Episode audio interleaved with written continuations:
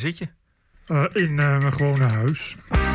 This is the TPO podcast. Zet u schrap. De cijfers zijn zonder meer zorgelijk.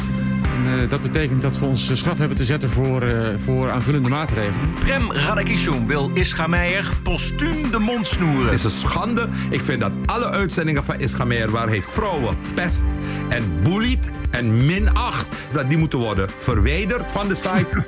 en Trump is terug. Maar is er genoeg van Trump terug om de verkiezingen te winnen? Get out and vote. We gotta vote. We gotta vote these people. Aflevering 195. Ranting and Reason. Bert Bresson. Roderick Phalo. This is the award-winning TPO podcast.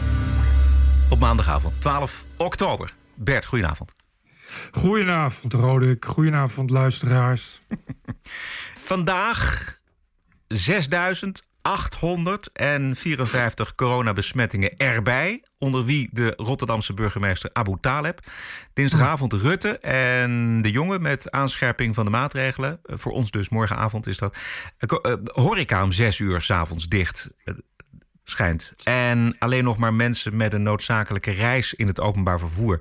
Afgelopen weekend las ik van een aantal mensen in de buurt van het Binnenhof dat een nieuwe lockdown zou worden overwogen. Dit was minister Hugo de Jonge afgelopen zaterdag. Het gaat duidelijk niet de goede kant op. Vandaag 500 besmettingen erbij. Gisteren was het al uh, heel hoog met 6000. Vandaag 6500 besmettingen. Uh, ja, dit, is, dit is precies de trend die we niet wilden zien de trend die we echt moeten zien te keren. Dus rond dit weekend moeten we echt afbuigende cijfers zien. Ja, en als dat niet zo is, dan, dan is het onvermijdelijk om aanvullende maatregelen te treffen. En ook virologe Marion Koopmans van het Outbreak Management Team speculeerde erop vrijdag in Nieuwsuur. Eigenlijk zijn we er toch over uit, wil ik zo over ja. verder praten, maar dat we niet meer naar een lockdown willen. Dat wil niemand. Um, eh, maar de vraag is of je niet toch even moet doen om weer in, in control te komen. Ja. ja. Ja. En ik weet niet hoe het met jou zit, Bert, maar ik krijg een beetje het idee dat het OMT iets heel anders wil dan het kabinet. Uh, ja, wat ik, uh, ik krijg het idee dat die heel graag allemaal een lockdown willen. En liefst zo hard mogelijk. De OMT'ers.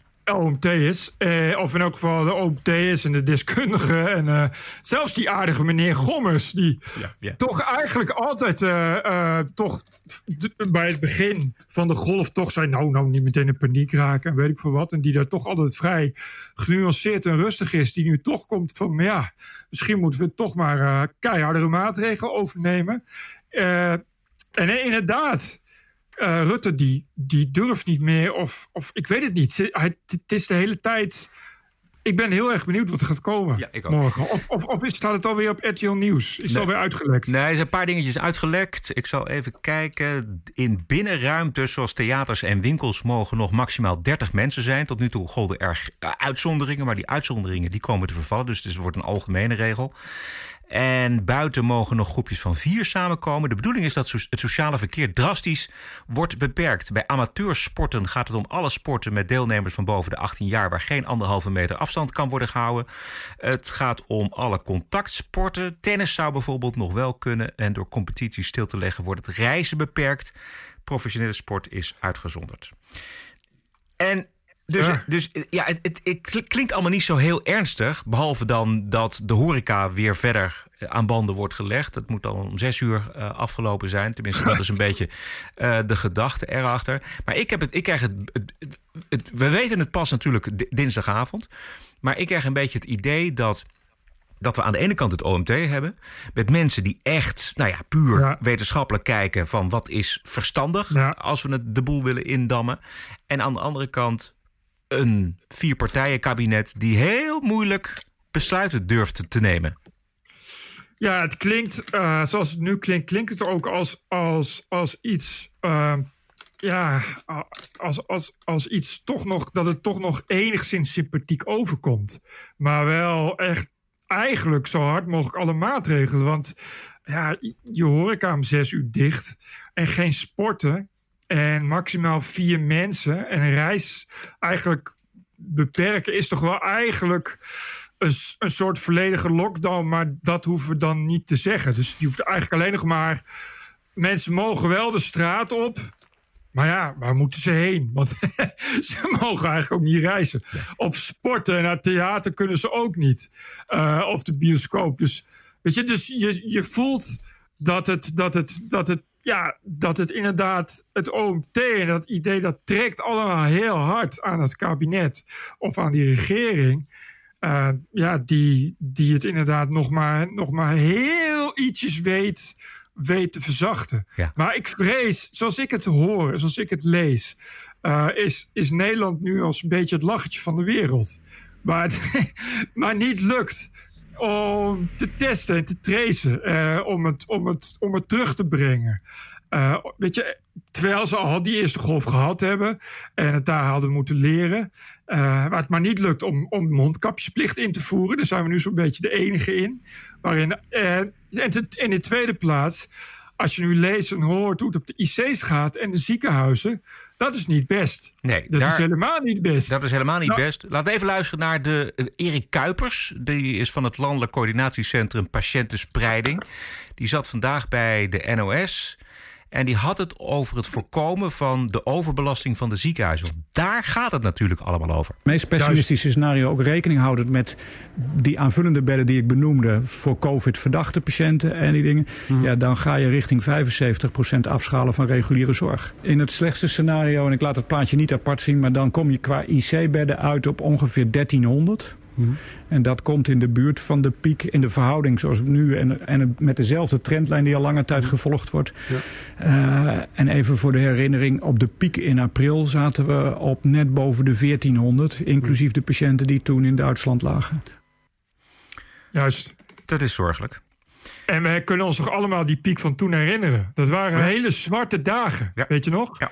Met, met speciale bussen en helikopters dat mensen naar Duitsland moesten worden vervoerd. Uh, ja, en, en als je, ik, las nu al, ik lees nu al in de kranten mensen die inderdaad uh, een operatie uitgesteld zien worden terwijl ze pijn lijden. Uh, en dus uh, artsen en ziekenhuizen die zeggen: Sorry, we hebben momenteel geen tijd. ik las in de Volkskrant of All, of all Media een, toch wel een hele aardige reportage van een IC-afdeling. Was het de VU? Ik weet het niet meer zeker. Maar inderdaad, precies hetzelfde waarin je dus leest hoe. Uh, die IC-bazen de hele dag met hun telefoon aan hun oor steeds maar weer andere afdelingen moeten teleurstellen. Omdat ze geen ruimte hebben. Ja. En als ze wel ruimte hebben, ze hebben wel leegstaande bedden, maar geen personeel. Want dat personeel is er gewoon niet. Dat is die uitbreiding van die IC-capaciteit. Die, die heeft niet zo heel veel met bedden te maken als wel met het opleiden van personeel, wat anderhalf, twee jaar duurt. Dus dat is er niet. Dus, dus, en dat personeel loopt nu al tegen de tax aan. Want dat is hetzelfde personeel als wat ook in de eerste golf mee heeft geholpen. En die zijn wel moe. Ja. De vraag is eigenlijk, wat weerhoudt het kabinet om strenger, strengere maatregelen, echt strengere maatregelen te nemen? Is dat de eenheid binnen het kabinet? Dat kan natuurlijk. Is het bijvoorbeeld toch het verzet onder de bevolking, laat ik het maar zo zeggen? Las daarin trouwens wel een hele boze tweet van uh, Peter Kanne, die heel boos was op Lara Rensen. Ja, Peter Kanne is een onderzoeker. Kijk, ik zoek eventjes snel of ik hem kan vinden. De... Peter Kanne doet allerlei onderzoek onder, onder mensen. En die zat vorige week bij Lara Rensen op Radio 1, onze grote vriendin.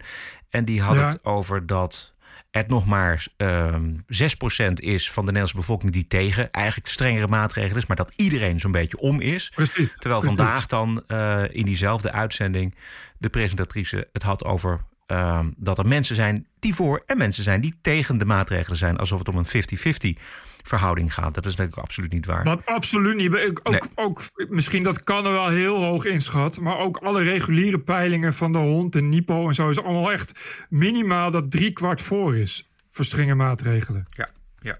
En dat is, ook, dat is ook de reden waarom je die tegenstanders zo duidelijk hoort. namelijk, namelijk het achterwege blijven van, mensen, van meer mensen die tegen zijn. Uh, dat is een heel klein groepje wat zich vooral roert op social media ja. en op internet. En weet je, dat is die Willem Engel groep. Ja. Maar als als je goed kijkt, dat zijn de hele tijd dezelfde 30 mensen die op het Binnenhof gaan staan demonstreren. Ja, precies. Dus, wel, dus, dus dat is echt, echt een, een marge. Ja, dat, daar zou het kabinet niet door geïntimideerd moeten worden. Hè? Dat, is, nee. dat is een verwaarloosbare groep. Ik begrijp wel dat ze af en toe vervelend kunnen zijn met, met acties. Maar dat is, dat is het dan.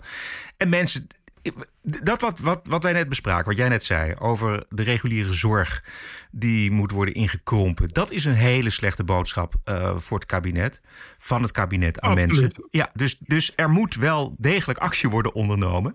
Maar de grote vraag is, wat weerhoudt het kabinet om echt maatregelen te nemen? Want ik las ook vandaag dat de maatregelen die dan uh, 14 dagen geleden genomen zijn, 28 september, voor zover meetbaar, maar geen enkel resultaat hebben opgeleverd, althans te weinig. Precies. Precies. Dus ja, ik, wat ik denk, en ik kan er ook alleen maar naar gissen. Ik weet niet hoe het met die eenheid binnen die partij zit. Alhoewel, uh, ja, de ChristenUnie zit er ook in, is het niet? In het kabinet. Ja, zeker. Uh, ja. wat want dat valt me bijvoorbeeld op dat tegen religieuze bijeenkomsten is het toch uh, kennelijk ook heel moeilijk om stevig op te treden. We hebben dat dan in Urk gezien. En dan denk ik van ja, ik heb daar ook eerder nog helemaal niks aan gehoord. Het wordt wel allemaal weer typisch Nederlands, allemaal heel netjes ontzien. Dus als je maar religieus bent, dan kan het ineens allemaal wel. Ja. Uh, dat zal mede dus ook te maken hebben met het feit dat de ChristenUnie daarin zit. Uh, dat ook natuurlijk dat hele kabinet per definitie bang is voor gevoeligheden. Want als je het moet gaan hebben, als je moet gaan zeggen, ja, uh, we gaan moskeeën en kerken voorlopig sluiten. Dat ligt lastig. Ja. Dat ligt heel lastig, vrees ik. Terwijl wat raar is, want ze durven wel te zeggen: we gaan, we gaan, uh, we gaan het voetbal stopzetten. Ja, ook een religie. Terwijl, terwijl dat toch, nou ja, ik bedoel. Ja. Uh, ik, ik weet niet of jij de afgelopen 30 jaar ooit hebt gehoord. We gaan nu eindelijk eens een keer keihard uh, inzetten tegen, tegen voetbalgeweld, de voetbalhooligans. Ik nog nooit. En ik, je weet waarom. Dat is, als je dat als partij doet, heb je een probleem. Want ja, als er één grote god is in Nederland, één grote religie, is het voetbal. Ja, is dat zo? Dat betwijfel ik, uh, Bert, wat je nu zegt. Dat, Echt? Ik, heb dan nooit. Ja, nee. Je hebt natuurlijk altijd wel, uh, uh, altijd wel uh, frustraties die worden geuit. En er wordt natuurlijk heel veel ingezet. Er wordt natuurlijk elke zaterdag en zondag worden er heel veel ME's ingezet. En speciale voetbaltreinen. En het kost heel veel geld. Ik, ik denk niet dat er een politieke partij is die, die durft te zeggen. We zijn het zat, we gaan voortaan gewoon zonder publiek spelen. Uh, nee, nee, of, nee. Of, of, we gaan, we gaan, weet je, of maar we dat gaan het inkomsten. Probleem, ja, dat is, dat is waar. Dat is waar. Maar en inkomsten is denk ik wel de hoofdmoot. Ik denk dat Rutte nou niet echt zit te wachten op heel veel heel boze ondernemers die uh, straks moeten gaan horen, eigenlijk basically dat hun bedrijf failliet gaat. Ja. Ja, nee, Omdat er weer een nieuwe lockdown Ja, komt. exact, exact. Dat is het toch? Ja, ja. Ik, wat, wat ik begrijp is dat uh, zelfs met de maatregelen die jij net oplas, dat dat eigenlijk het einde is voor de meeste bioscopen. Toch Nou ja, serieus, afhankelijk van hoe lang dat duurt. Weet je, er speelt nog iets volgens mij, Bert. Uh, dat is dat. ik- Kijk, Rutte is heel erg van de eigen verantwoordelijkheid en van het eigen besef. Hij is dat helemaal van, van doordrongen dat het ernstig is, maar een hoop mensen in Nederland niet. Hè, kijk maar naar hoe er omgegaan wordt met eh, mondkapjes. Je kunt het zien in, in, de, in de supermarkten waar je naar binnen gaat. Mensen nemen, zetten ze gewoon niet op, punt. Eh, en dat heeft ook te maken met dat we wel horen dat het uit de hand dreigt te lopen, maar dat we het nog niet aan de lijve onder voelen. Ja, en, en, precies. en dus dat de grote massa pas later komt. Eh, Dus die moet Precies. eerst het besef krijgen. Die moet eerst zien dat ze opa en oma niet meer kunnen bezoeken. Die, zien, die moeten zien dat, ze niet, dat hun tante niet meer behandeld kan worden vanwege overbelasting van de zorg. En dan pas daalt het besef in en dan gaan mensen maatregelen nemen. Ja, en die groep die, die dat echt als allerlaatste pas wil gaan inzien, dat is die groep van ondernemers. En dat is wel VVD-electoraat. Ja, Dus die vertrouwen op Rutte dat. eh, dat er geen dat hij- lockdown komt.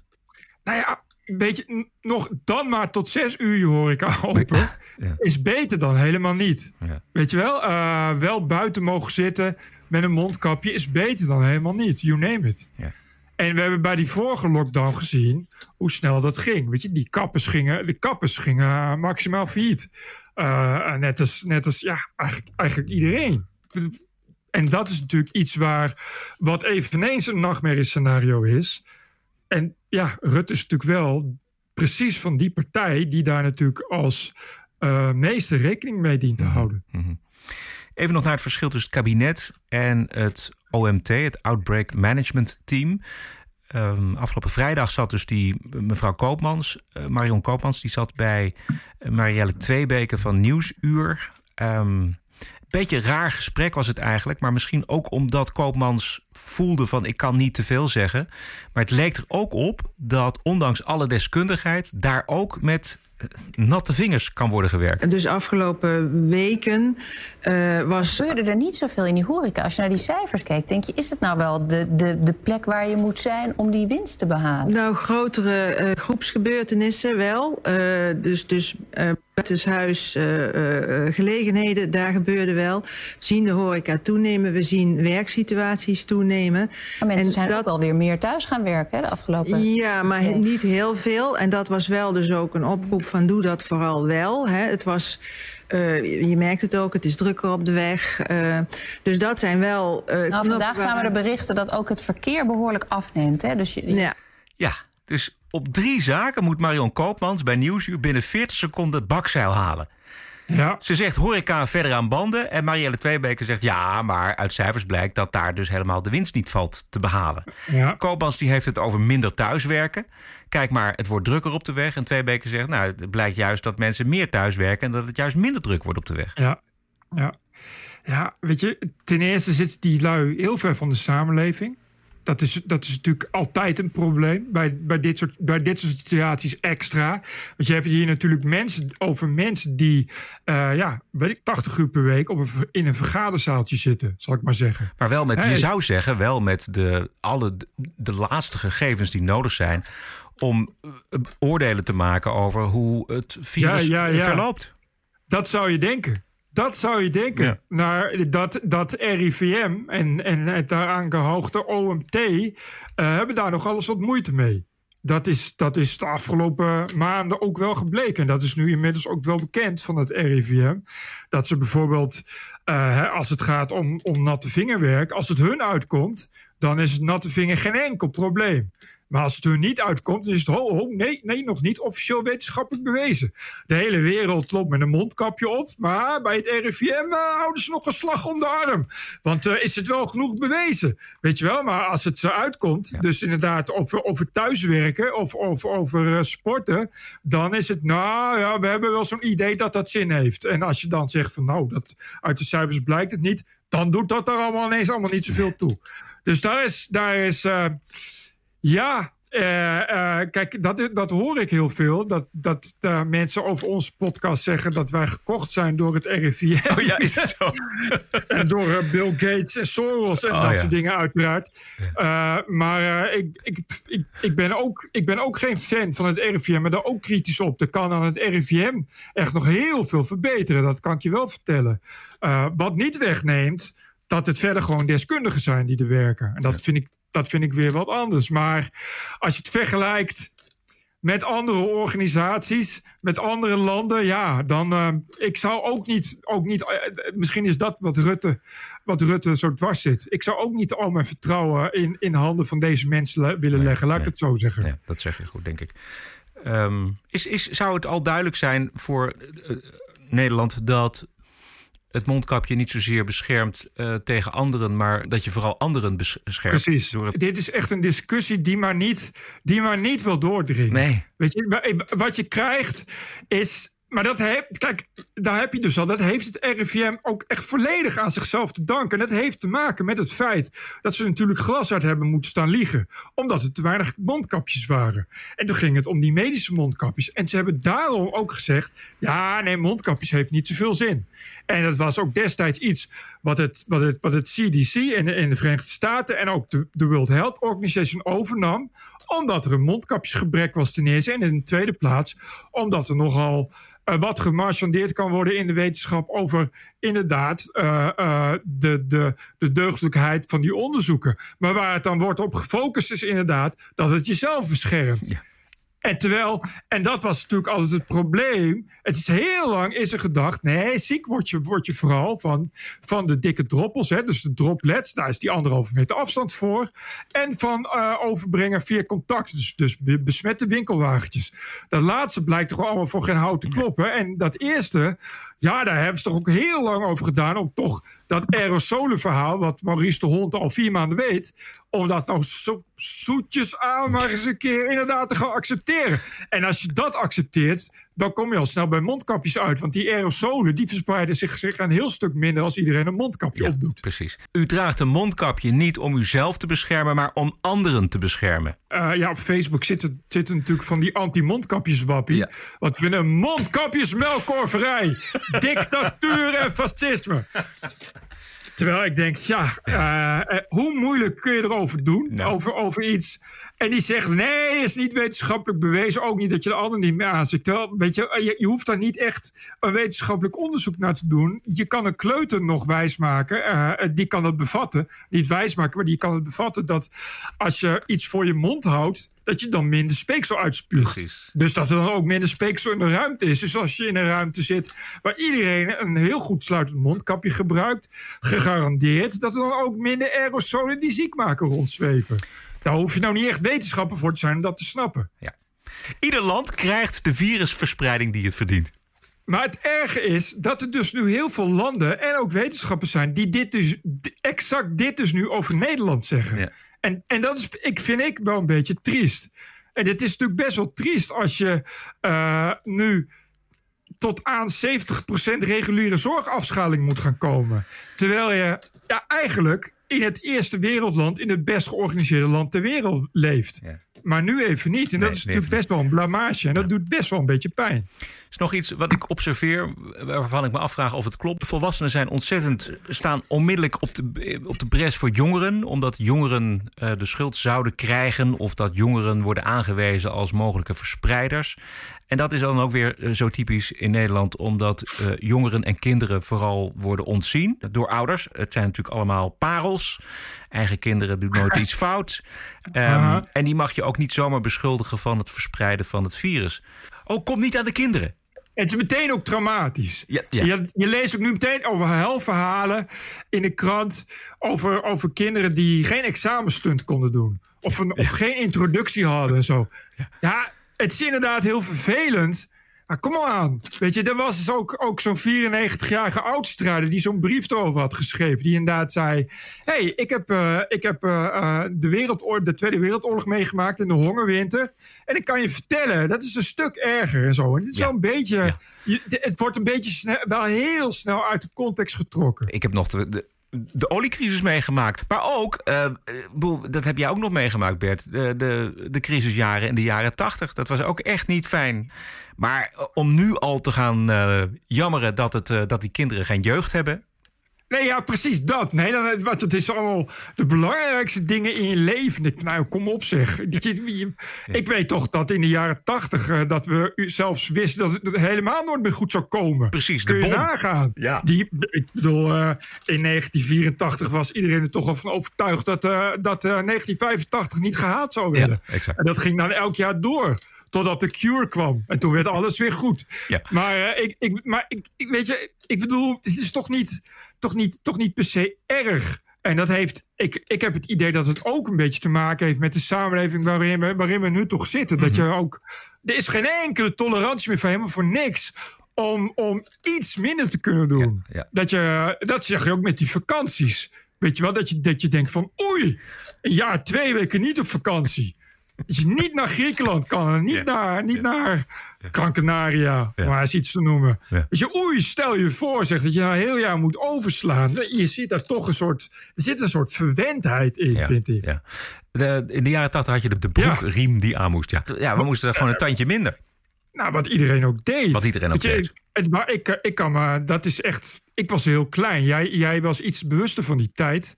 Eh, ik was zeg maar eh, in 85 10 jaar. Maar ik heb toch echt. Eh, wat ik vooral onthouden was, dat is echt werkloosheid. Het ging alleen maar over werkloosheid. Dat was echt achterlijk hoge werkloosheid. Ik denk dat als je nu terugkijkt, valt het ook wel mee. Maar ik weet dat de media, dat was echt. Het was alleen maar doom eigenlijk. Je wist zo vrijwel zeker dat het geen zin had nog om verder te studeren. Ja, ja. Want ja, je werd, je werd toch werkloos. Ja. En voor wie het eh, allemaal niet meer weet, eh, luister gewoon eventjes naar Doe maar en de bom. Nog meer hierover. Ja, nee. Als je mondkapjes wilt kopen op de TPO webshop, hebben we nog mondkapjes. Oh ja? Ja, ik heb er nog een paar in voorraad. Ze gaan heel hard. Er zijn dus die? mensen die... nog geen 3 euro per stuk. Dit zijn eh, de hele goede KN95. Die, die echte, zeg maar, die puntige. Oké. Het klinkt bijna als een, als een commercial. Eh, te vinden op de TPO-website. ik, ik, lijk, eh, ik lijk Alex Jones eh, wel op deze manier. Ik heb hele goede pillen in de aanbieding. En als je die slikt, kom je hier allemaal vanaf. Want de rest is niet te vertrouwen. Koop nu mijn pillen. Goed. Uh, het is tijd voor een rectificatie, Bert. Want we moeten even iets Oh. rectificeren uit de aflevering van vorige week. Toen hadden we het over de kindbruiden uit Syrië... die naar Nederland komen om herenigd te worden met hun volwassen echtgenoten. Nou, we hebben toen een interview van RTV Noord laten horen met een antropologe. Dat bleek een ja, geen actueel eh, interview te zijn. Dat was een interview uit nota bene 2015... Ik heb dat helemaal over het hoofd gezien. Gelukkig hebben wij alerte luisteraars eh, die dat wel zagen. Maarten Branten was er een. Eh, hartelijk dank. Eh, excuses voor het oude interview. Het onderwerp is uiteraard nog niet uit de wereld. Gisteren was het, zoals altijd op 11 oktober, VN Wereldmeisjesdag. En volgens de Ter des Om worden er nog ieder jaar zo'n 12 miljoen meisjes onder de 18 uitgehuwelijkt. Voor de situatie in Nederland heb ik vandaag gebeld met de Nationaal Rapporteur Mensenhandel en Seksueel Geweld tegen Kinderen. En hun laatste onderzoek in Nederland dateert van vier jaar geleden. Ehm, dus het wacht is op nieuw Oh. onderzoek. Dat is eh, serieus vier jaar. Ja. Maar hebben ze al wel een nieuw onderzoek lopen of ook niet? Nee, zij zei, de woordvoerder van eh, de Nationaal Rapporteur, die zei dat ze met een, een te kleine club eh, werken en dat ze nog geen nieuw onderzoek in voorbereiding hebben. Oh. Wat jammer Nou, is. wordt- Ja, Daar wordt het wel tijd voor dan. Nou, dat zou ik ook zeggen. Want er zijn maatregelen genomen. Ehm, er is een wet aangenomen in de Eerste en Tweede Kamer. De vraag is, wordt die ook nageleefd? Want zoals wij vorige week al constateerden... je hebt natuurlijk een burgerlijk huwelijk... wat niet door kan gaan met iemand van onder de 18. Maar of je dan ook ehm, traditionele en religieuze huwelijken daarmee om zeep geholpen hebt... dat is helemaal de vraag. Dus eh, er is werk aan de winkel voor de journalistiek. TPO Podcast. Straks Prem Radakishun over de nalatenschap van Ischa Meijer bij de VPRO. En we gaan doneren en waarderen natuurlijk, maar dat allemaal later. Eerst de lieve stad Amsterdam, onze allerhoofdstad... waar gisteravond twee jongetjes van 13 en 14 jaar jong zijn aangehouden... omdat zij mens met machetes rondliepen in Eiburg. Dat meldt RTL Nieuws vandaag. Machetes, dat zijn lange messen van eh, meer dan... Kapmessen. Kapmessen, zeg maar. Eh, gelukkig staken ze bij een bushalte net zwaar vuurwerk af... en had de politie een aanleiding om te fouilleren. En daar kwamen de messen tevoorschijn. Gasten hadden ook een neppistool bij zich... dat niet te onderscheiden is van een echt wapen. En toen dacht ik... Bert, wat deed jij toen je 13 was? Eh, nou, in elk geval niet met, met machetes en nepwapens rondlopen, kan ik je vertellen. Nee. Ik, ik vrees eh, dat ik meer op het niveau zat van eh, kattenkwaad als belletje trekken, een hinkelspel op straat tekenen eh, en thuis monopolieën. Weet je, dat is ongeveer het niveau van die tijd. ja. Maar Ja. Ehm, ik ben natuurlijk ook bij mezelf nagegaan. En 13, nou, toen zat ik dus wel op school in Amsterdam. Maar ik re- redelijk gedijst. En thuis, waar ik, in Apkoude, waar ik woonde, eh, ging ik naar eh, ging ik tennissen. En ook eh, belletje lellen, dat deden we ook. En met luilak heel vroeg eh, mensen Oh, wakker ja. maken. Luidelijk, dat zat niet. Dat is alleen in jouw, in die regio. Oh ja, maar dat deden we niet. Ja. Maar, Maar- precies. Maar een, machette zat niet in het arsenaal. Nee. Nee, ik, ik, ik, ik, wat raar, ik vind het zo raar om te horen dat kinderen van 13 met een, met een kapmes op zak lopen. Dat is toch. eh, dat moet er iemand thuis toch ook doorhebben. Het is Ja. niet een heel klein mes, Nee, weet je precies. wel? Nou, dat hebben ze inmiddels. Hebben ze, de ouders van die kinderen hebben dat door. eh, Want de politie was zeer geschrokken. Was, had weer een persbericht naar buiten gebracht dat het allemaal vreselijk was. Ehm, eh, dat de kinderen in verband met hun leeftijd natuurlijk geen straf krijgen. Maar dat ze wel zijn overgedragen aan hun ouders. Alsof dat iets helpt, dat weet ik niet. Maar als het strenge ouders zijn, dan zou het wel eens de- wel degelijk kunnen helpen. Ik las nog iets anders en zag een reportage bij, eh, hoe heet dat? Editie NL van, eh, van eh, RTL. Ja. En ehm, wat blijkt is dat de Action nu een leeftijdscode heeft eh, gezet op de messen, de lange messen die daar worden verkocht. Dus als je daar als kind mee naar de kassa gaat, eh, dan gaat er een alarm af en dan word, moet je je legitimeren. Net zoals bij eh, Ja. drank en met sigaretten. Met Blokker en Hema ook, volgens Oh, mij. doen ze dat inmiddels ook? Want dat was even Ja. de vraag. Of dat, of dat, dan, dan, iedereen moet het natuurlijk wel doen. Dat het in ieder geval het verkrijgen van deze lange messen ehm, moeilijker wordt voor, dit, voor deze jongeren. Ja, ja, wat natuurlijk goed, wat je... Ja, het is, het is eh, een halve maatregel, maar het is in ieder geval beter dan geen maatregel misschien. Het is beter dan niks. Weet je wat zou helpen? Echt heel goed zou helpen? Ja. De politie die preventief mag fouilleren. Ja. Dat zou echt enorm zinnig zijn. Eh, zeker, ik bedoel, Eiburg is, was toch altijd een soort keurige nieuwbouwwijk. niet, ja. niet, te, niet te Belmen, maar dat is de laatste jaren ook een beetje eh, andere kant op gegaan, kennelijk. Maar Ja. daar is het dus ook al. Ja. Weet je, het keurige, keurige Eiburg. Ja. Keurige nieuwbouwwijken lopen de kindertjes van 13 ook al met, eh, met machettes op zak. Het grote voordeel van preventief fouilleren, hebben we al een keer eerder gezegd, maar zeg het nou nog maar een keer, is dat je dat mensen die met een wapen, een revolver of een mes over straat willen, weten dat ze ge- gefouilleerd kunnen worden en dat, ze, dat er dus een st- straf boven hun hoofd hangt.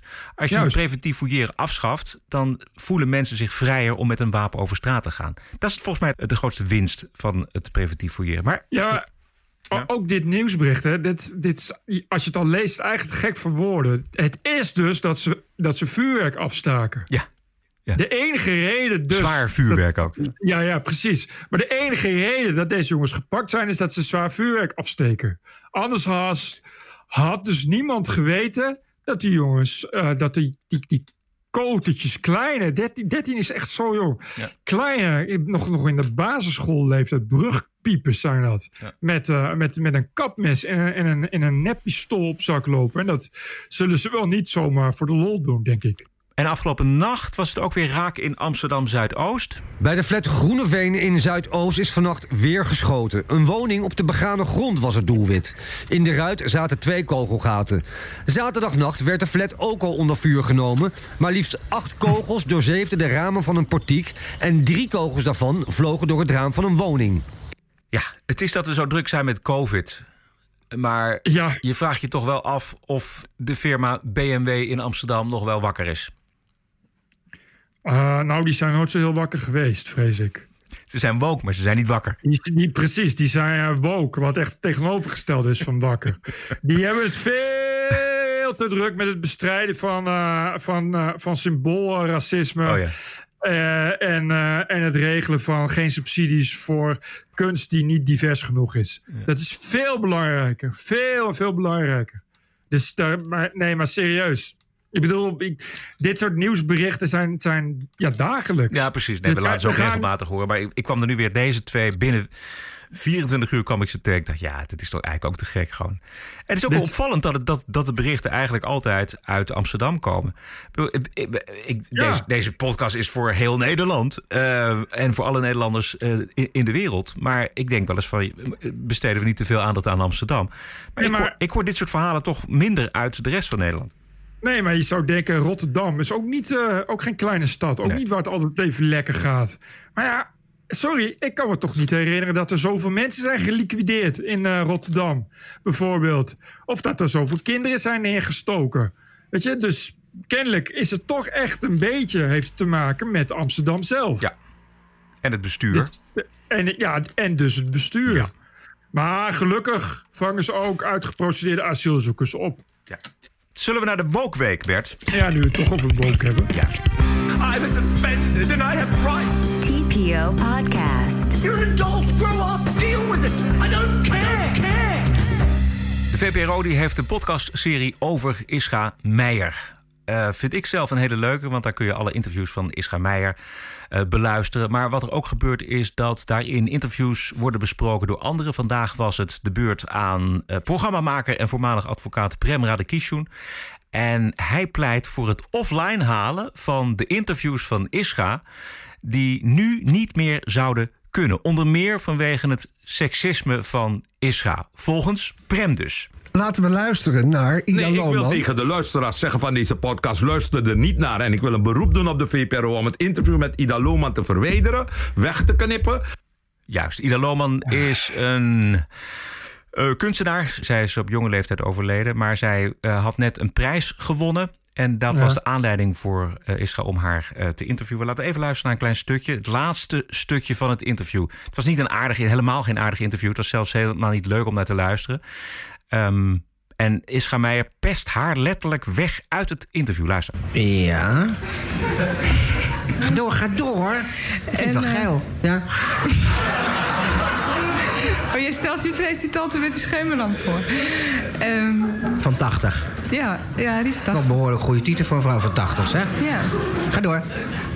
Ehm, Als jij seksistische filmpjes maakt, hè, heb ik seksistische praat, ja? En wat is de oplossing? Wat heb je vast aan het vertellen? Vertel nou even. Hoe eindigt het dan? Wat is de oplossing van dit drama van de zet die Lillekast? muziek maar weer aan. Ik wil niet meer. Je wil niet meer. Waarom niet? Ja, einde. Oké. Muziek. Ja. Tja. Ja, het, het, het is, het was helemaal geen leuk interview. Uit 1994, 13 november, bijna 26 jaar later. Inquisiteur Prem Radakishun. Het is een schande. ik vind dat alle uitzendingen van Ischameer... waar hij vrouwen pest en bullied en minacht... en, en, en dingen dat die moeten worden verwijderd van de site. Want we moeten niet de norm hebben dat Ischameer... zijn manier van het denigreren, beledigen van vrouwen... dat dat een norm is waar wij halleluja moeten zeggen. Eh, het is leuk dat jullie deze podcast maken... maar laten we deze aflevering gebruiken om hem te ontmaskeren... als de lul die hij was... die kwetsbare vrouwen gewoon overheen bonjourde... en daarna lekker drankje ging drinken... en vond dat hij de geweldige Ischa was.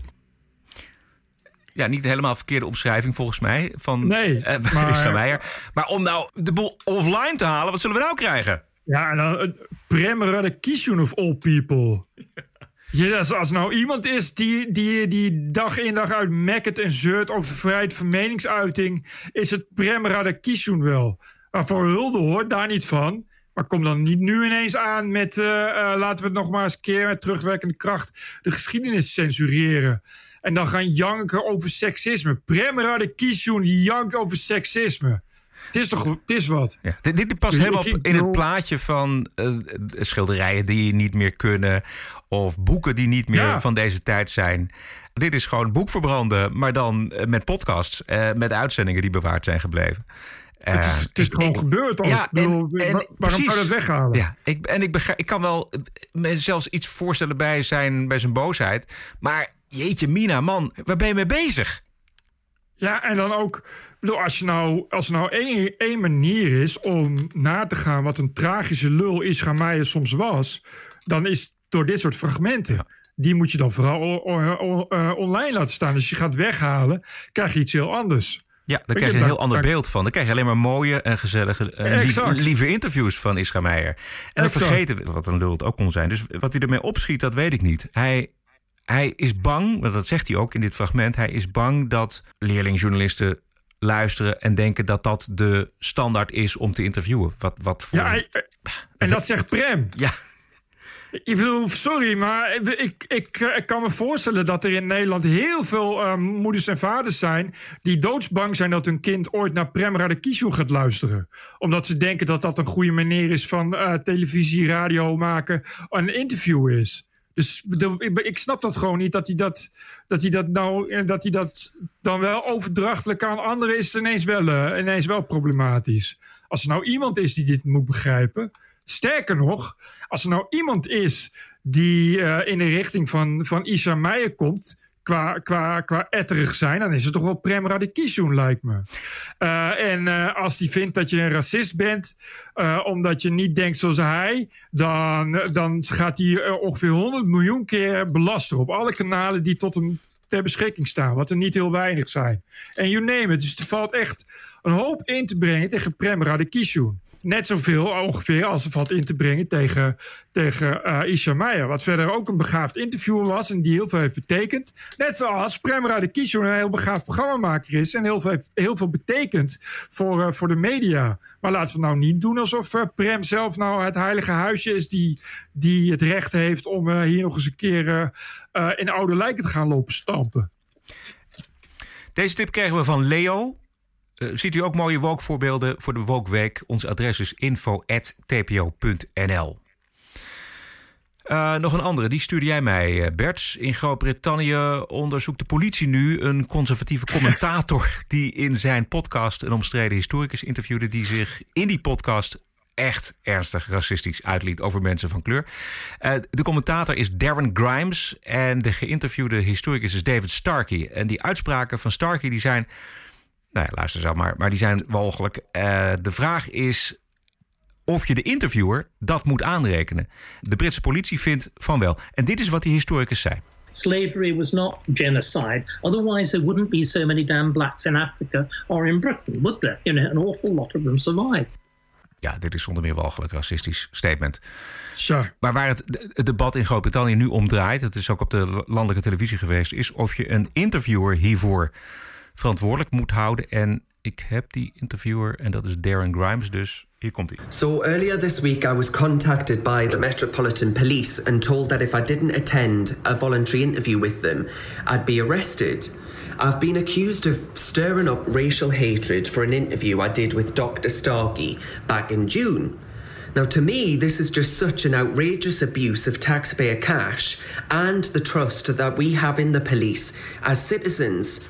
So much so that at first I couldn't actually believe it was real. You know, I walked into my local police station to actually verify the email. Because in my eyes, the only and no objective person has been arguing that in any way, shape, or form I am someone who has stirred up hatred.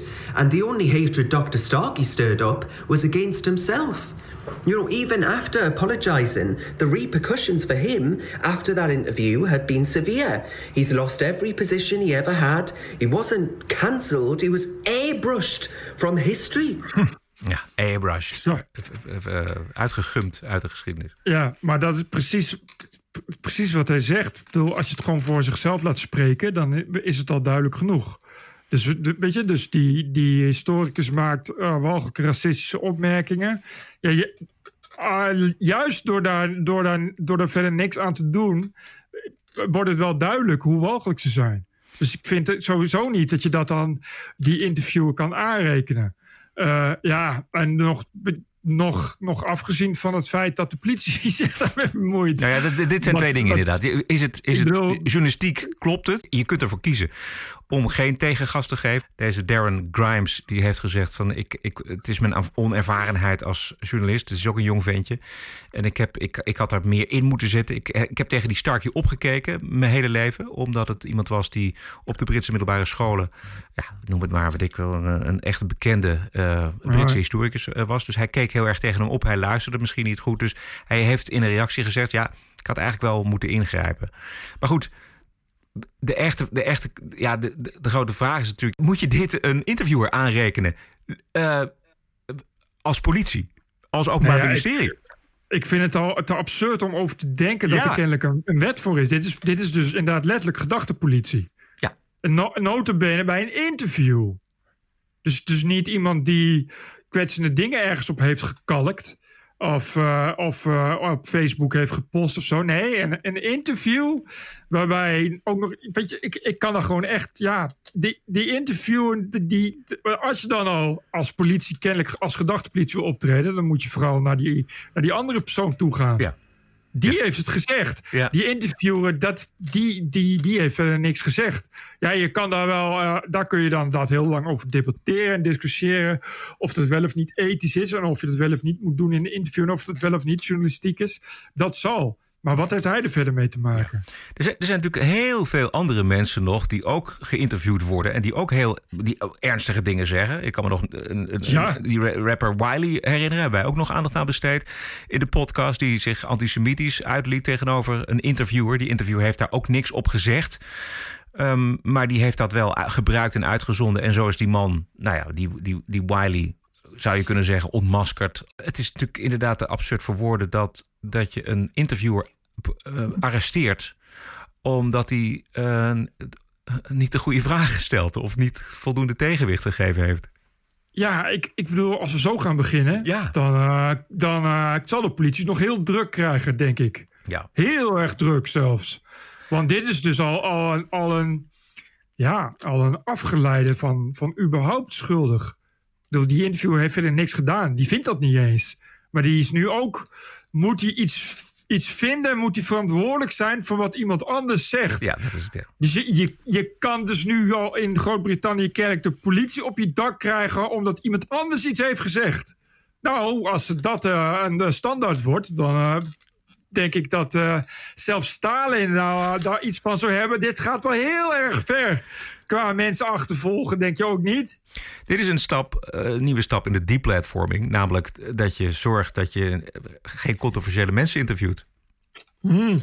Hè? Mm. Alleen dat, dat, volgens mij, bedoel, dat weet je dus niet. Je, je houdt een interview en, en iemand zegt iets. Natuurlijk, dus je bent de... toch ook geïnteresseerd. Je moet toch ook onderzoeken. Je, moet toch, je, bent toch, je bent toch journalist, dus je moet toch weten wat mensen denken. Dus je moet toch vragen naar wat mensen denken. Ja, maar was dat überhaupt bekend bij deze persoon?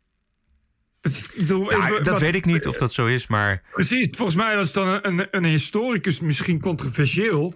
Maar ja, dat is wat anders dan dat je weet dat hij grappen gaat maken over, over zwarte en de slavernij. Dat is toch niet...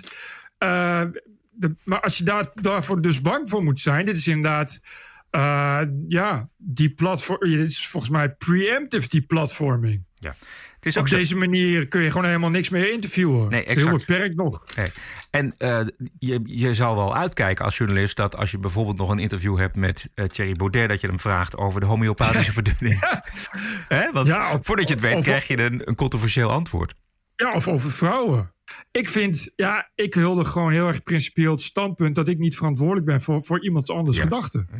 Of voor iemand anders mening. Dus dat, dat, er staat een naam onder en, uh, en ook een ander gezicht. Dus je ziet hoe dat iemand dat zegt.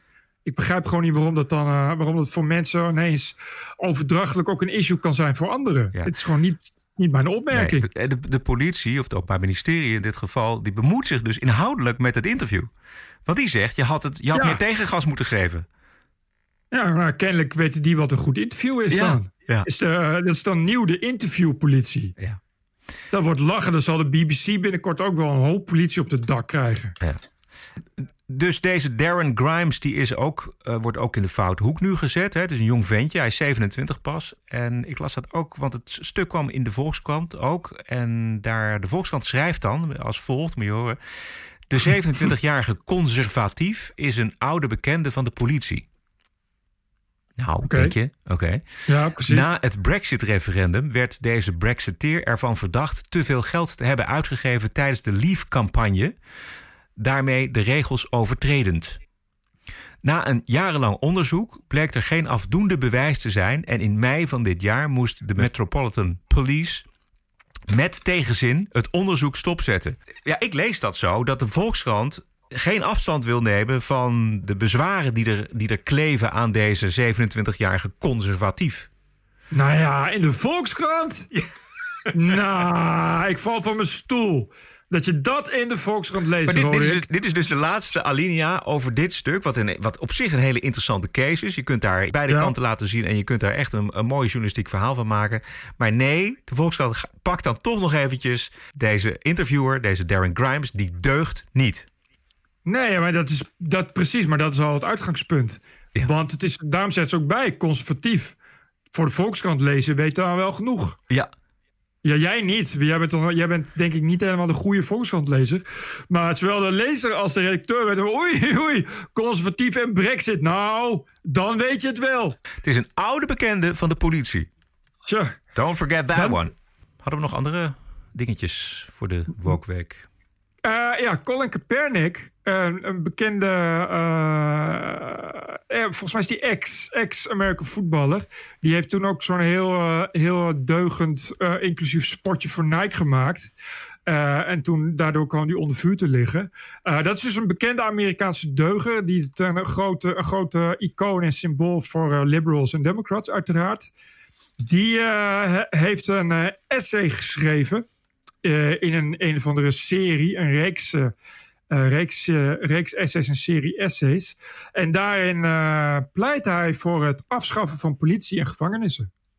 Want alleen op die manier kunnen we de giftige samenleving een halt toeroepen. Ja, als we de politie afschaffen, dan Ja, dan zijn, dan zijn we af van alle premature deaths. Dit gaat erin als koek bij mensen die geloven in systematisch racisme. Of institutioneel racisme, zoals we dat in Nederland noemen. Eh, daar heb je geen racisten voor nodig, maar dan is het gewoon het systeem aan zich is, is racistisch. Dus je kunt niet zeggen, je kunt geen politieagenten ontslaan omdat ze zich racistisch gedragen. Maar je zegt gewoon, het hele politiesysteem is racistisch.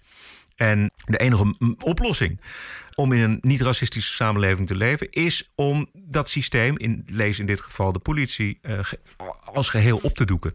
Ja, want ik lees hier dat eh, politie en, en gevangenissen is, is white su- supremacist. Daar is het op gebaseerd. Op, eh, op witte, eh, witte white supremacy. En ik vind wel even deze afsluiting vind ik zo mooi. Dit is zo hartverwarmend. Another world is possible. A world grounded in love, justice and accountability. A world grounded in safety and good health. A world grounded in meeting the needs of the people. En die wereld bereik je dus door abolition. Door het afschaffen van politiegevangenissen. Vind je dat niet mooi? Dat is prachtig. Ik vind En- het zo mooi. Ja. Ik vind het echt mooi. Je vraagt je wel eventjes af of eh, Kaepernick al eh, heeft geïnformeerd in delen van Amerika die al eh, voor een groot gedeelte de politie Juist. hebben afgeschaft, althans verkleind hebben. Ik noem Chicago, ik noem Minneapolis, volgens mij Portland en Seattle ook. En eh, misschien moet hij even vragen of de mensen daar, vooral ook de zwarte bevolking in, in die steden, gelukkig zijn met het, eh, Ja. eh, het afschaffen van delen van de politie. Want het gaat niet zo goed daarmee. Hè? Het is zo gek. Het was zo gek om te lezen dat je de politie afschaft omdat er dan meer criminaliteit is. Ik vond het zo raar. Ik wist echt niet hoe, waar ik het moest zoeken. Dit zijn multi, multi, multimiljonairs. Juist. Die eh, achter hoge muren veilig eh, hun gedachten de vrijloop laten. Dat is allemaal prima. Maar met de realiteit heeft het weinig te maken. Het is echt een. Dit, eh, is, dit is iemand die geen politie hoeft te bellen omdat hij particuliere beveiligers in dienst heeft. Precies. Ik bedoel, Ja. dat, is, dat is wel, wel ja, dan kun je de politie inderdaad wel afschaffen. Ja. ja. Mooi, goed voorbeeld. We gaan waarderen en doneren. De TPO-podcast. Een eigenzinnige kijk op het nieuws en de nieuwsmedia. Elke dinsdag, elke week, het hele jaar door. Zonder reclame, zonder een cent subsidie. 100% onafhankelijk. Wat is het jou waard? Word lid van de TPO-tribe. Kies zelf een bedrag of kies 52 euro per jaar. En dat is maar 1 euro per week. De TPO-podcast. Wat is het je waard? Ga naar tpo.nl slash podcast. Is eh, maandagavond 12 oktober. En volgende maand, eh, ergens volgende maand, beginnen wij met twee uitzendingen per keer. Eh, Bert en ik. ehm, die besteden ons leven en onze liefde aan de TPO-podcast. En proberen daar een bestaan van eh, op te bouwen. We gaan gewoon kijken of dat lukt, of dat niet lukt. Eh, dan zullen we weer terug moeten schalen. Zullen we met een exit-strategie moeten komen. Maar eh, voorlopig gaan we het gewoon proberen. Maar dat betekent wel dat er waarschijnlijk toch meer mensen, meer luisteraars moeten doneren. Mogen doneren, laten we het zo zeggen. Bas Dekker. Beste Bert en Roderick, nadat ik mijzelf al meerdere malen had voorgenomen een donatie te storten, heb ik vandaag dan eindelijk 52 euro overgemaakt. Het is voor mij een verademing om jullie iedere week weer te mogen beluisteren. Met warme groet, Bas Dekker. Bas Dekker, fijn, dank je. Marten van Holten.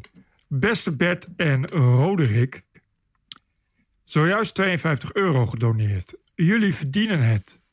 Je hoeft dit niet te vermelden hoor, anders worden al die berichtjes hetzelfde. Eh, oh, dit is iemand die ook naar de Canarische eilanden gaat verhalen. Gaat verhuizen. Anyway. Eh, groeten van Marten van Holten. Even kijken. Hier heb ik op. Ah, dit is inderdaad iemand die anoniem eh, wil blijven. Ik weet wie het is. Jij ook, want ik had hem doorgestuurd. Maar dit is iemand die 2500 euro doneerde. Wow. ja, dus dat is toch... eh, dus ik heb teruggemaild van ja, ik wil heel graag... ik- je mag eh, anoniem blijven. Maar het is, eh, leuk, eh, het is wel leuk om dat even te noemen. Want het is niet dat we dagelijks zoveel geld van één persoon krijgen. Heeft hij gezegd waarom hij uh, zo'n groot bedrag aan ons ja, overmaakt? Dat, dat zal ik je dat zal ik, uh, eens even, even voorlezen. Beste Bert en Roderick. Gefeliciteerd met jullie recente besluit om de TPO-podcast uit te breiden. Als jarenlange luisteraar juich ik dit zeer toe. Voor mij ook een aanleiding om meer te doneren dan mijn gebruikelijke tientjes. Ik hoop dat deze bijdrage jullie zal helpen om de podcast onder een brede publiek bekend te maken. Dit unieke geluid verdient een groter publiek. En daarnaast mag een breder publiek, wat mij betreft, ook wel eens iets anders horen dan al het MSM-geleuter.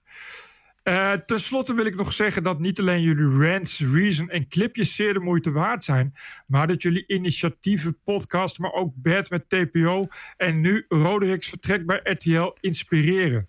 Jullie laten zien hoe de silent majority zich laat horen en hun ideeën ook eens laat testen. Want om dat laatste draait het in die end natuurlijk allemaal. Nog vele podcasts van Anoniem.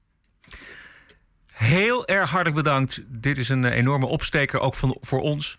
En daar kunnen we zeker uh, een end mee vooruit. En we kunnen er mooie dingen van doen. Dat gaan we ook doen. Komt een goede aan de TPO-podcast. Ontzettend bedankt. Ja, heel erg bedankt. Uh, uh, ja, je moet het natuurlijk maar kunnen missen. Uh, ik bedoel, het is niet dat ik mensen denk van waarom doneren mensen nooit eens een keer zoveel geld. Maar het is wel heel fijn, vooral in, eigenlijk in symbolische waarde. Dat je mensen hebt die je zo erg in geloven. En dat kennelijk ook al heel lang doen. Want hij noemde ook die Jaap. weet je? Dus ja. dat is iemand die, dat al, die mij al tien jaar volgt. en dat, daar echt blij mee zijn. En dat is natuurlijk het allerbeste wat je kan hebben als makers. Precies. Stefan Slag. Hoi heren, ik luister elke week met veel plezier naar jullie podcast en heb al veel te lang gewacht met het doneren van 52 euro. Wat slaan jullie de spijker op zijn kop over het COC in podcast 192? Uh, blah, nu komt er een heel verhaal over. Ik vind ook iets van COC. Dat weet ik nog wel. Het COC houdt zich te stil als het gaat om geweld tegen homo's. Dat, die uitzending kan ik mij nog wel herinneren. Ja, precies. Nog meer? Kijk, uh, Wesley van Willigen. Westbert en Roderick. Als luisteraar voor een lange tijd schaamde ik mij kapot dat ik nog steeds geen donatie heb overgemaakt. Bij deze een kleine donatie voor een abonnement van anderhalve maand, namelijk 5 euro. Hopelijk helpen alle kleine beetjes een beetje. Heren, dank voor jullie fantastische podcast. Ik kijk er iedere week weer naar uit. Ga vooral zo door. Na de aankondiging dat jullie meer podcasts gaan maken, wil ik als armoedige designer jullie een klein beetje helpen met een fris design voor jullie podcastafdelingen. Die YouTube Soundcloud afbeeldingen konden echt niet. Die werden altijd gemaakt door mij. En ik vind, zelfs ik vind dat je daar gelijk in hebt. Dat iedereen daar gelijk in heeft. Anyways, het is wel jammer. Dit is toch al, was altijd mijn creatieve half uur met, met Photoshop en kleur. Anyway, het is goed bedoeld. Dankjewel. Ik hoop dat jullie het iets vinden. Je vindt het in de bijlage. Uh, bla bla bla. Hartelijke, vriendelijke groeten. En ga zo door, Wesley van Willigen. Uh, ik heb even heen en weer gemaild met Wesley. Die, die uh, maakt voor ons dus leuke plaatjes. Hij wil ook wel een headertje maken voor op, de, op de homepage. En hij wil ook wel leuke designs maken voor een nog te beginnen range aan mokken en patches en shirts voor TPO Podcast. Uh, uh, ik wil even zeggen dat uh, als je dat ook kunt, of denkt van ik vind wat leuk, stuur vooral in. Ja. Het, is echt heel, het is namelijk heel leuk om dit soort dingen met, vanuit de community te doen. En Roderick en ik kunnen heel veel, maar niet echt leuke plaatjes maken of designen. Ik weet niet hoe dat met Roderick zit, nee, maar nee, kan ik niet. Ik ben, ik ben daar net zo goed als in, als in hang- en sluitwerk uh, installeren. Okay, verschrikkelijk, ja. ja. Dus, uh, nee, wij, wij kunnen podcasten maken, dat kunnen wij. En uh, als er luisteraars zijn die zich op een andere manier willen bemoeien met de podcast, het staat jullie vrij. En het is hartstikke leuk. Mailen kan naar info.tpo.nl. Wesley, fantastisch, leuk initiatief en heel erg goed. Ik, ik wil nog even dan, ja. sorry, sorry hoor. Heel veel dan nog de site van Wesley noemen. Ja. Dat is dan wel het minste wat je kan doen. Dat is dan uh, www.wvw.design. De TPO-podcast is onafhankelijk geluid en wij maken dat. En misschien heeft het waarde voor jou. Als het waarde heeft, hartstikke fijn. Dat mag je zelf uitmaken. Misschien is het een euro per podcast. Misschien is het een keer 100 euro. Misschien is het een keer 500 euro. Dat is helemaal aan jou. Wij sturen je deze podcast. Jij stuurt aan ons wat je vindt dat het waard is. Ga naar tpo.nl slash podcast. This is us. This is our country. This is CNN breaking news. I believe that the president is literally an existential threat. Stop the hammering out there. Who's got a hammer? Make America great again. New York Times and CNN have also smeared veterans like myself. This video was taken during a heated exchange with an unidentified man who called Cuomo Fredo. Stop the hammering. This is the TPO podcast. News 630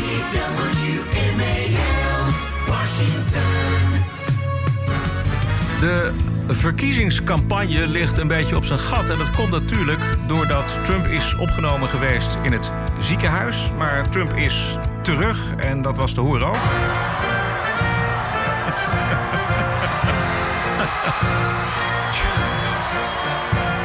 Dit is het Witte Huis. Thank you. Thank you very much, and keep that enthusiasm going. Get out and vote. We got to vote. We got to vote these people into oblivion. First of all, I'm feeling great. I don't know about you. How's everyone feeling? Good. And I'm honored to welcome, we call this a peaceful protest, to the White House in support of the incredible men and women of law enforcement and all of the people that work so well with us. And I have to tell you, our black community, our Hispanic community, thank you very much. Thank you. Ja, dat is dan de, de campagne. Eh, het maakt nog niet echt een hele sterke indruk, moet ik zeggen. Mm, nee. Ja. Een beetje vrijblijvend, hè? Ja. Wel, alhoewel, hij had er niet eh, eh, in beeld dat hij zijn mondkapje afdeed en zo. Dat is natuurlijk wel weer sterk. Ja. En dan lees typisch ja, Trump. ja, ja, precies, typisch Trump. En hij weet ook dat hij daar mensen mee irriteert. Namelijk, eh, Juist. hij weet ook dat hij daar Nederlandse journalisten mee irriteert. Ja. En de gedachte is nu heel erg dat hij zijn ziekte natuurlijk gebruikt. Lees misbruikt om te zeggen van kijk eens eventjes, eh, zo makkelijk is dat virus te verslaan. Of Ja. zo sterk ben ik en mij moet je hebben als president. Maar goed, dat is allemaal volgens mij een open deur. Natuurlijk doet hij dat. Ja, maar goed, ja, eh, het is campagnetijd. Ja. Eh, alles of niets ook. Dus eh, ja, en het is Trump. Dus, dus ja, je, ik, ik, eh, Trump doet nogal Trumpiaanse dingen. Gelukkig maar, want als iemand anders het zou doen, zou het een beetje raar zijn. Wat als Trump verliest? Wat, eh, wat, wat gaan de media dan doen? Ja, dat is een, dat is een, dan gaan ze denk ik weer in de Obama-stand staan. Wat, eh, ja, gaat dat zo? Ik, ik kan me dat niet voorstellen. Want dit is, bedoel, dit, dit is, er lopen toch een hoop mensen die nu al eh, vier jaar lang ernstig aan Trump derangement syndroom lijden. Ja, En daar kom je ook niet zomaar af. Volgens mij. eh, ja je bedoelt afkicken. Hoe, hoe Ja, ja, ja. ja. Ik val echt een heel diep gat, volgens mij. Ja. En, en ook CNN, daar gaat, wie wil er nog CNN kijken straks? Ja. Misschien dat ze de eerste twee jaar van Biden gaan gebruiken om eh, nog eens in kaart te brengen hoe ernstig slecht Trump allemaal geweest is. Oh, dat is wel een goeie. Ja. dat ik kan gewoon kunnen. nog dat vier jaar doorgaan Precies. met. eh, ja, alle, alles, alles waar Biden niet in slaagt, dat kun je dan verklaren aan de hand van Trump. Trump is wel weg, maar. Ja, zijn schaduw. Ja, Ja. Nee, precies. Dat zijn schaduw eh, voelen we nog steeds. Dan kun je dat, oh ja, dat, dat, dit gaan ze doen, dat weet ik zeker. Dat krijg je echt bij alles. Want ja, er zit dan natuurlijk een, eh, ook nog eens een keer eh, conservatieve opperrechters. Ja. Dus die gaan dan CNN-onvriendelijke beslissingen nemen. Nou, dat is nog allemaal de schuld van Trump, nog steeds. Ja. Maar ik, ik, ik begrijp je zorg, Bert. Want het is Hmm. inderdaad. Nee, maar het, serieus. het moet een gat zijn, ja. Het is voor, voor, voor sommige eh, media is het wel. eh, ja, we weten van CNN dat ze het erom doen. Omdat het nou eenmaal kijkcijfers oplevert. En als je dus. Stel je voor dat het echt zo'n poepsaai president Biden is. Weet je, daar is je hele programmering ook echt let- letterlijk weg. Ze gaan hem nog missen. Nou ja, nee, serieus. Ja. Ik, vind, ik geloof dat echt. Ik geloof echt dat, het, dat, dat ze dat echt problematisch gaan vinden. Ja. Ja. Kijk. Oh ja. Ja? Dat is, ik heb nog wel iets. Eh, jij was bij Geen Stijl. Ja. In de Chips, Snootjes, Bier, hoe heet het? Bar. Talkshow. Ja. Dat is eh, een aanrader om terug te kijken. Oh, dankjewel. Wat vond je dat? Want ik, ik heb het ook gekeken omdat ik moest inbellen. Was, Bert was er twee keer, twee keer in de uitzending. Dus voor mensen die Bert ook live willen horen, die moet ook even terugkijken. Ja. Eh, nee, maar ik kan eh, iedereen aanraden dat terug te kijken. Oké. Ja. Omdat het leuk is, om, eh, omdat het een interessant gesprek is verder. En omdat het video is. En omdat het video is. Je zat al leuk voor de foto van Erik Mouthaan. Ja. ja, daar hebben ze goed over nagedacht. En dat inbellen was grappig en zo. Ja. Ja, ja, hartstikke leuk. Terug te vinden op Geen Stijl. Ja, nee, dat moet iedereen maar even terugkijken. Dat is dan wel weer geil. Exact. Goed. Eh, tot zover deze TPO-podcast. Eh, we zijn te vinden onder andere op iTunes en op Spotify en op Soundcloud. Binnenkort met een nieuwe, nieuw, nieuw, nieuw logo. En natuurlijk op tpo.nl. En ik kwam laatst kwam ik ook weer iets tegen, Bert. Dat vond ik ook wel dat ik jou gestuurd volgens mij. Dat Ja. is- ga ik even pakken. Potfriend. Jesus man, wat was dat ook weer? Potfriend.com. Potfriend.com. Zeer veel dank voor de ondersteuning van deze TPO-podcast 195. Post kan naar info.tpo.nl en waarderen kan op tpo.nl slash podcast. Wij zijn terug dinsdag 20 oktober. Pardon, 20 oktober. Eh, heel graag tot dinsdag. Heb een mooie week. En tot dinsdag. TPO Podcast. Bert Bruson, Roderick Balo, Ranting and Reason. Eh, het is leuk dat jullie deze podcast maken, maar laten we deze aflevering gebruiken om hem te ontmaskeren. Podcasting is the TPO podcast in the Netherlands. Bert and Roderick. What a show. I'm telling you.